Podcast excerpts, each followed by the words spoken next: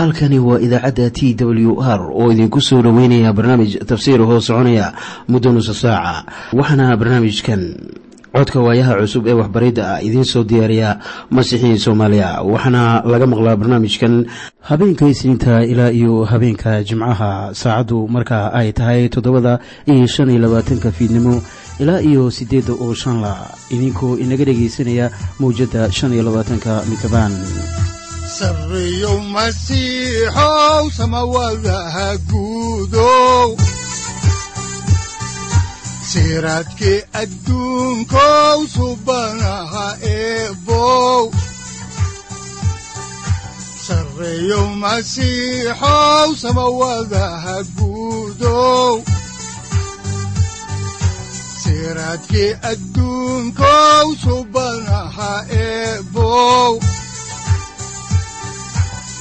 adigoo samaada jiro ifkan soo saldhiganba adigoo samaada jiro ifkan soo saldhiganba kutubtiisanaaye udanogu saaciiday sharxin sifahaaga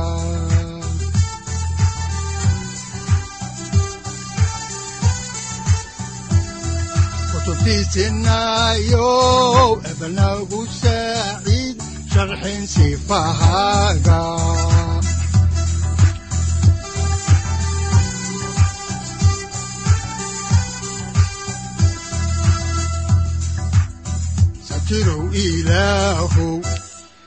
mar kale ayaanu dhegaystayaal idinku soo dhoweyneynaa barnaamijka waxaan caawi horey idiinku sii wadi doonaa waxbarashadii tusmooyinka ahaa ee aynu ku soo xiganaynay kitaabka quduuska ee baibalka waxaannu caawi soo gebagabayn doonaa tusmooyinkii aynu idinku oga tusaaleynaynay sida kitaabka baibalka ah loogu sameeyo daraasaad taasoo markaa aynu gogoldhig ugu sameynaynay waxbaridda aanu dhowaan idin bilaabayno ee la magac baxday dhexmarka kitaabka quduuska. Haddaba waxaanu bilaabaynaa taxanaha aynu wax uga baranayno dhegeystayaal cilmiga kitaabka caanka ee loo yaqaano baibalka oo xigmadda ku aadsan aanay tirsi lahayn. Balse inta aynu ariga idiin sharaxin aynu dhegeysanno qasaa'ida ay inoo wada qaadi doonaan culama soomaaliya oo masiixiina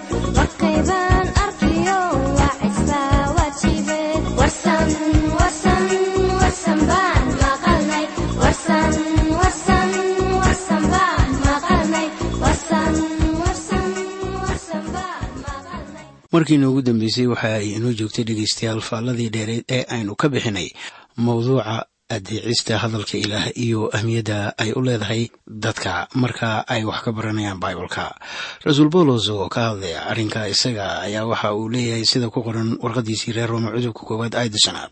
Markaasoo uu lahaa kan aanu ku helnay nimco iyo rasuulnimo inaannu adeecidda rumaysadka magaciisa daraaddiis ugu geyno qurumaha oo dhan. Adeecidda rumaysadku way ahmiyad ballaaran tahay. Haddii kale dadka ma bari kartid wax adiguba aadan rumaysnayn marka maadadaas iyada ah ee ah inaannu adeecno baibalka si aynu ku rumaysanno waa muhiim. Marka maadadaas iyada ah ee ah inaannu adeecno baibalka waa muhiim inaannu rumaysanno haddaba marka la leeyahay inaan adeecidda rumaysadka ayaa taasu ay ka macno tahay in wax kastoo aynu rumaysanayno aynu adeecno mar kale isagoo la hadlaya dadkii reer korintos ayaa rasuulku waxa uu faallo ka bixinayaa markii aynu ku soconno adeecista rumaysadka in hadalkayagu uu qiimo yeelanayo oo wax waliba ee aynu kula hadalno dadkana uu ruuxa ilaah qaadayo oo barakadaynayo. Hadalka ayaa qalbiyada dadka waxa uu ku noqonayaa sida xaashi lagu qorayo wacdiga aad jeedinayso iyo waxbaridda hadalka waxaa rasuulku uu leeyahay sida ku qoran warqaddii labaad ee reer korintos cutubka saddexaad aayadaha laba ilaa saddex. Markaasoo uu lahaa idinku waxaad tihiin warqaddayda ee qalbigayga ku qoran. Tan ay dadka oo dhammu garanayaan oo akhriyaan. Idinkoo u muuqanaya inaad tihiin warqadda masiixa ee ah taanu ka adeegnay ee aan khad lagu qorin laakiinse lagu qoray ruuxa ilaaha nool oo aan lagu qorin looxyo dhagaxa dushood laakiin lagu qoray looxyo qalbiyo jiidh ah dushood haddaan haddaba maadadii hore ee adeecidda baibalka intaa uga baxno ayaanu haatan soo gaarnay maadada ugu dambaysa ee toddobaad waxaana weeye gudbi wixii aad maqashay. Haddaba maahan inaad akhriso barato milcisato oo aad akhriso wixii dadka kale ay ka qoreen kitaabka laakiin waxaa lagaa doonayaa in aad marka hore adeecdo dabadeedna wixii aad adeecsanayd ood baratay aad gaarsiiso dadka kale. Taasina waxa ay tahay inaannu samayno innaga oo dhan oo waa inaan warka aanu maqalnay akhrinay barannay ka fikirnay adeecnay inaan gudbinno oo dadka kale gaarsiino. Ilaah adiga ku oggolaan maayo inaad noqoto mid dadka ka madax bannaan oo aad noqoto nin qaamuus guuraya ah oo wax walibana garanaya. Marka dadka kalena ay noqdaan juhalo waxaan u malaynayaa in sababtaas ay tahay tan qoraha warqadda cibraaniyada uu u lahaa sida ku qoran cutubka tobanaad aayadda shan iyo labaatanaad. Markaasoo u lahaa iyaynan iska daynin isku ururkeenna sida ay tahay caadada dadka qaarkood. Laakiin aan isdhiiragelinno khusuusan markaad aragtaan inay maalintu soo dhowaanayso ilaa waxa uu inoo sheegay inaan noqonno kuwo isaga u markhaati fura. Wuxuu iminkana leeyahay sida ku qoran kitaabka falimaha rasuullada cutubka koowaad aayadda sideedaad oo leh laakiinse waxaad heli doontaan xoog. Markii ruuxa quduuska ah idinku soo dego oo markhaatiyaal ayaad iiga noqon doontaan yeruusaalem iyo yahuudiya oo dhan iyo samaariya iyo meesha dunida ugu fog. Ma uusan oran waxaynu noqonaynaa dad wada jaamici ah iyo kuwo sida quduusyada oo kale ah oo ah aqoon guuraysa amase xusuus qor ma uusan oranin aynu runta ku aasno ama ku qarinno xusuus qoryadeenna qof baa yidhi waxbarashadu waa hanaan socda oo xusuus qorka brofesoorka lagu wareejinayo kan ardayga iyada oo aan la marsiinin maankooda. Waa hagaag. In badan oo runta baibalka inoogu qoran ayaa la mid a oo aqoonta ku qoran waa la isku gudbiyaa. Ma ahan layli ama wax la wadaago. Waxaa laynoogu yeeray markhaatiyo manta markaana waa in aan aqoonta u gudbinno kuwo kale. Haddaba in laysku gudbiyo aqoonta baibalka waxaan ogaaday mar aan jaamacadda dhiganayay aniga oo welibana macallina marka iyada dad baan waxbari jiray waxaana aan ogaanay innagoo dhowr macallina markii aynu qalin jebinay inaan hal sanad ka horreynay kuwii kale ee aynu isku fasalka ahayn. Waa maxay sababtu? Ma inaan ka maskax badnaynba maya laakiinse aqoontii layna baryay ayaanu kuwo kale la wadaagnay. Saaxiib waxaan markaa kugu leeyahay gudbi aqoonta baibalka si adiguna aad kaga dhiifoonaato kagana horumarsanaato macallimiinta kale. Haddaba kuwaasi waa toddobadii hanaan ee loo maro barashada kitaabka quduuska. Markaad gacanta ku haysato hadallada ilaah oo haddaan toddobadii qodob ee aynu ka soo hadalnay labadii toddobaad idinku celiyo ayaa waxa ay kala ahaayeen. Kow salaad ku bilow. Markaad baranayso kitaabka ku bilow salaad si ilaah kugu furo hadalladiisa waxaana taas laynagu xusuusinayaa melo badan oo ka mid ah qorniinka.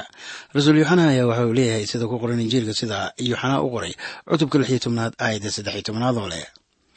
Laakiin markuu kan runta ah u yimaado wuxuu idinku wadi doonaa runta oo dhan waayo isagu iskama hadli doono wuxuuse ku hadli doonaa waxa uu maqlo. Wuxuuna idiin sheegi doonaa waxa imanaya. Haddaba ruuxa quduuska ee ilaah waa in indheheenna uu u furo si aynu ku ogaano waxyaabaha qorniinka uu ka leeyahay mustaqbalka oo waxa uu inagu hogaamin doonaa runta oo dhan. Markii haddaba aynu kala bixinayno baalasha kitaabka quduuska. Ah waxaa habboon inaannu ku ducaysano ducadii zabuurlaha markaasoo uu lahaa sida ku qoran zabuurka boqol sagaal iyo toban aayadda siddeed iyo tobanaad waxaana qoran sida tan. Indhahayga fur si aan waxyaabayaa badan sharcigaaga uga arko. Marka zabuurluhu qorayo aayadahaas waxa uu maanka ku hayay sharcigii muuse dabcan. Laakiin haatan wuxuu arrinkaasu khuseeyaa lix iyo lixdanka kitaab ee baibalka oo waa duco ay tahay.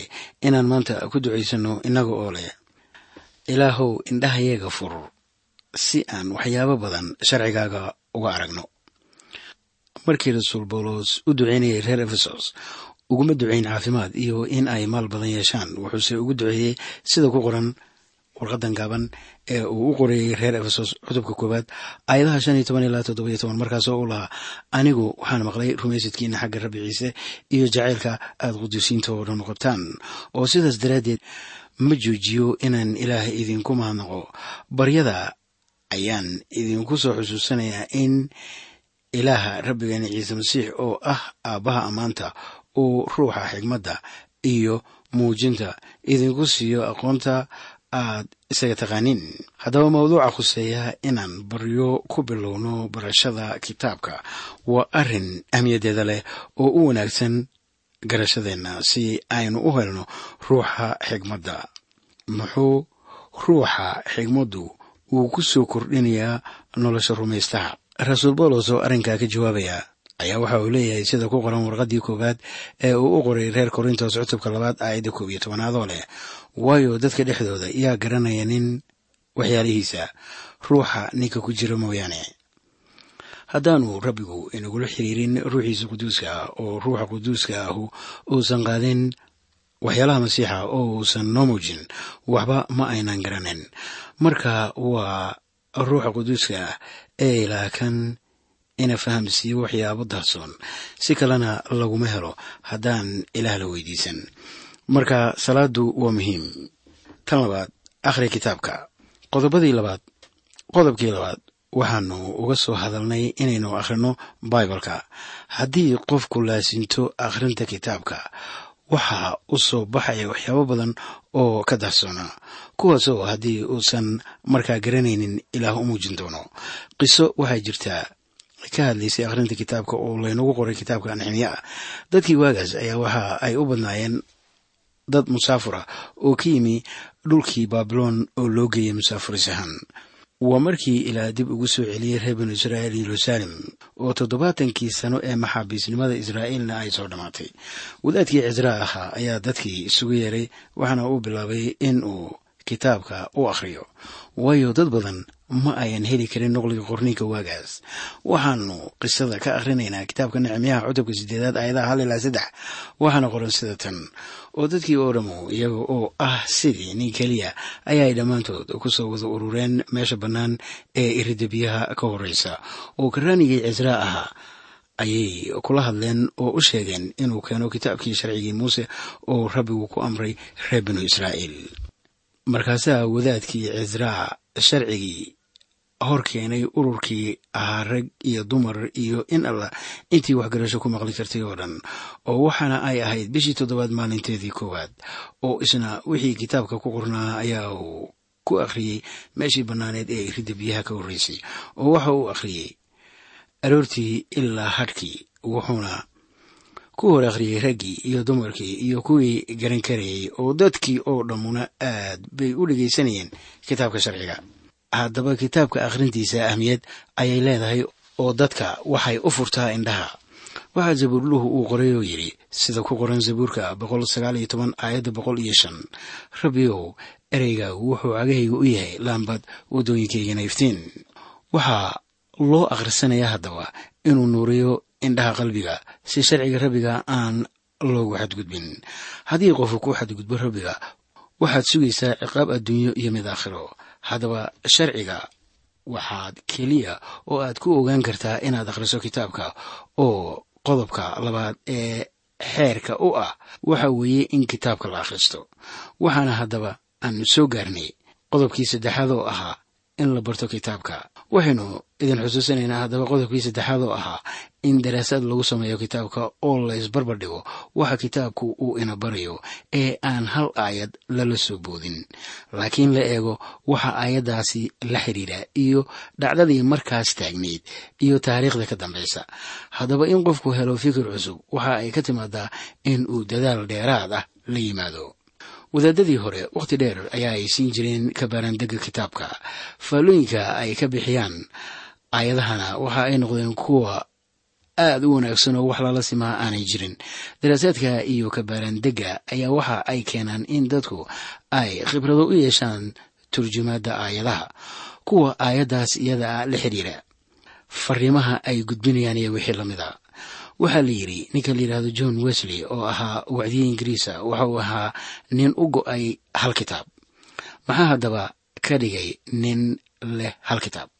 Waxaa taa sabab u ah inuu kitaabka akhrin jiray afar ilaa shan saac maalin waliba oo waxa uu ka baaraandegi jiray hadallada ilaah. Qodobkaasina waa ahmiyad ballaaran yahay oo waa sida keliya ee aad ku noqon karto caalinka kitaabka quduuska ah ee baibalka haddaba qodobka afraadi waxa weeye ka fikiridda hadallada ilaah. Waa wixii ilaah baray reer binu israa'iil. Waxaa ku qoran kitaabka sharciga ku noqoshadiisa cutubka lixaad aayadaha lix ilaa sagaal. Markaasoo ilaa la hadlayay reer binu israa'iil iyada oo warkan la soo marsiinayay addoonkii rabbiga ee muuse ahaa.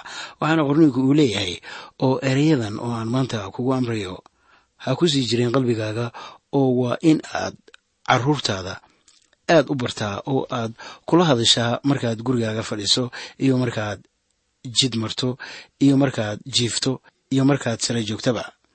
Waa in aad iyaga calaamad ka dhigtaa oo gacantaada ku xidhaa oo iyagu ha ku ahaadeen qardhaas indhahaaga dhexdooda kugu xidhan oo waa in aad ku qortaa tiirarka albaabka gurigaaga iyo irdahaagaba.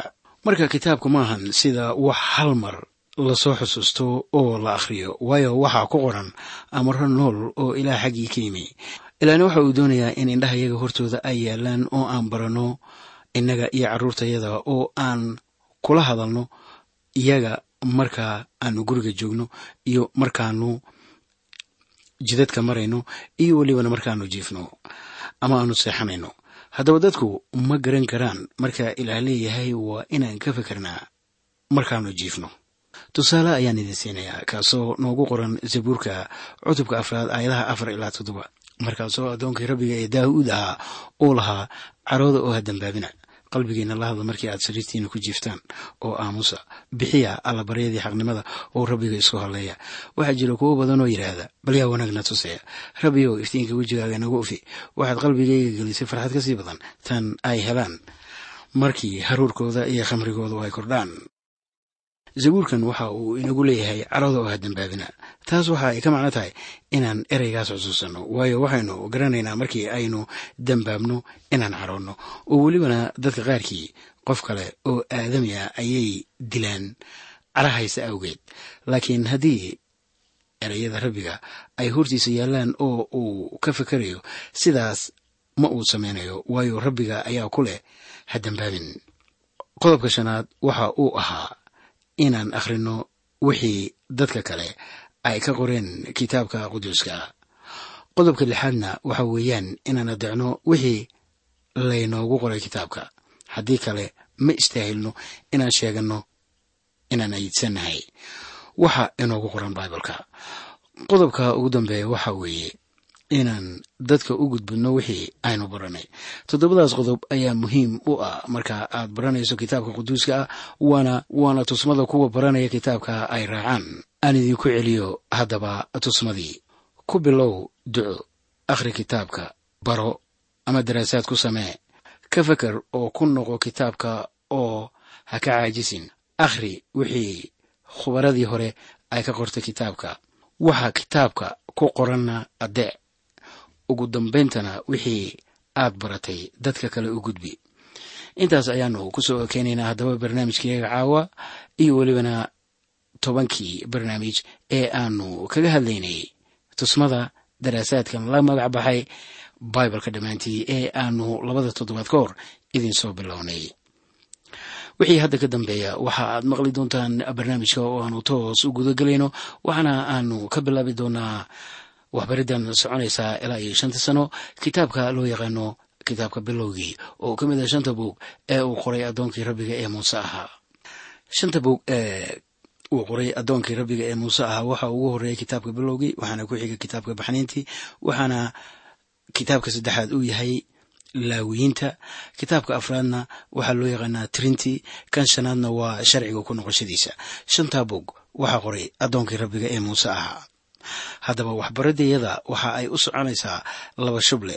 Marka koowaad waxaanu idin bilaabaynaa oo aanu idin baraynaa kitaabka bilowgii. Markii aanu dhammayno kitaabka bilowgii waxaanu toos u bilaabaynaa kitaabka axdiga cusub ee loo yaqaano injiilka sida matayos u qoray markii isaga aan dhammaynana waxaanu gelaynaa kitaab kale oo ka mid ah kuwa axdigii hore waana kitaabka kale ee loo yaqaano baxniintii oo khuseeya taariikhda reer binu israa'iil wakhtigii fircoon. Haddaba sidaas ayay u soconaysaa. Marka kaa aan dhammaynana waxaanu gelaynaa kitaabka kale ee loo yaqaano injiilka sida marcos u qoray. Waxbaridayadu sidaa ayaa ay isku daba taxnaan doontaa. Waxaanan qiyaasayaa in aad ka heli doontaan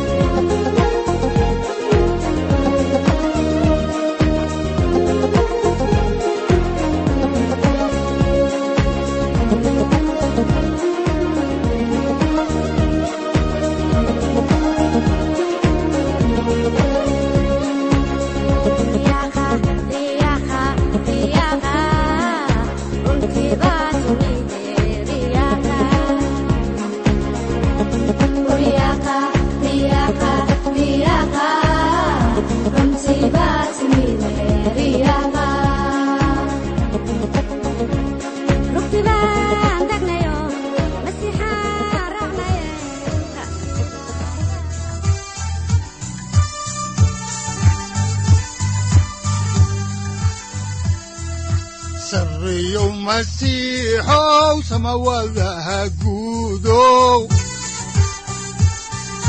siraadkii adduunkow subanaha eebow sareyow masiixow samawadaha guudow siraadkii adduunkow subanaha eebow adigoo samada jiro ifkaan soo saldhiganba adigoo samada jiro ifkaan soo saldhiganba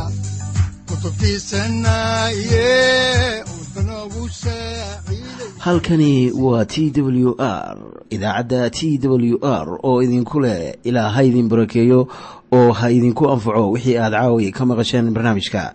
Waxaa barnaamijkan oo kalaa aad ka maqli doontaan habeen dambe hadahan oo kale haddiise aad doonaysaan in aad fikirkiina ka dhiibataan wixii aad caawi maqasheen ayaad nagala soo xiriiri kartaan som t w r at t w r c o k e waxaad kaloo iimailada inoogu soo diri kartaan dhegaystayaal cinwaanka yahu-ga oo ah somali t w r at yahu com aaduu u fududyahayaa somali t w r at yahu com.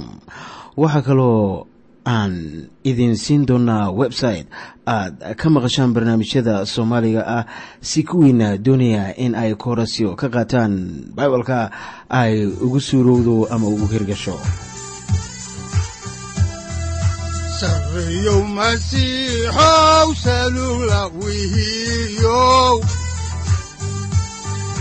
saacadda timid dhulka sabada ku dhalatiyo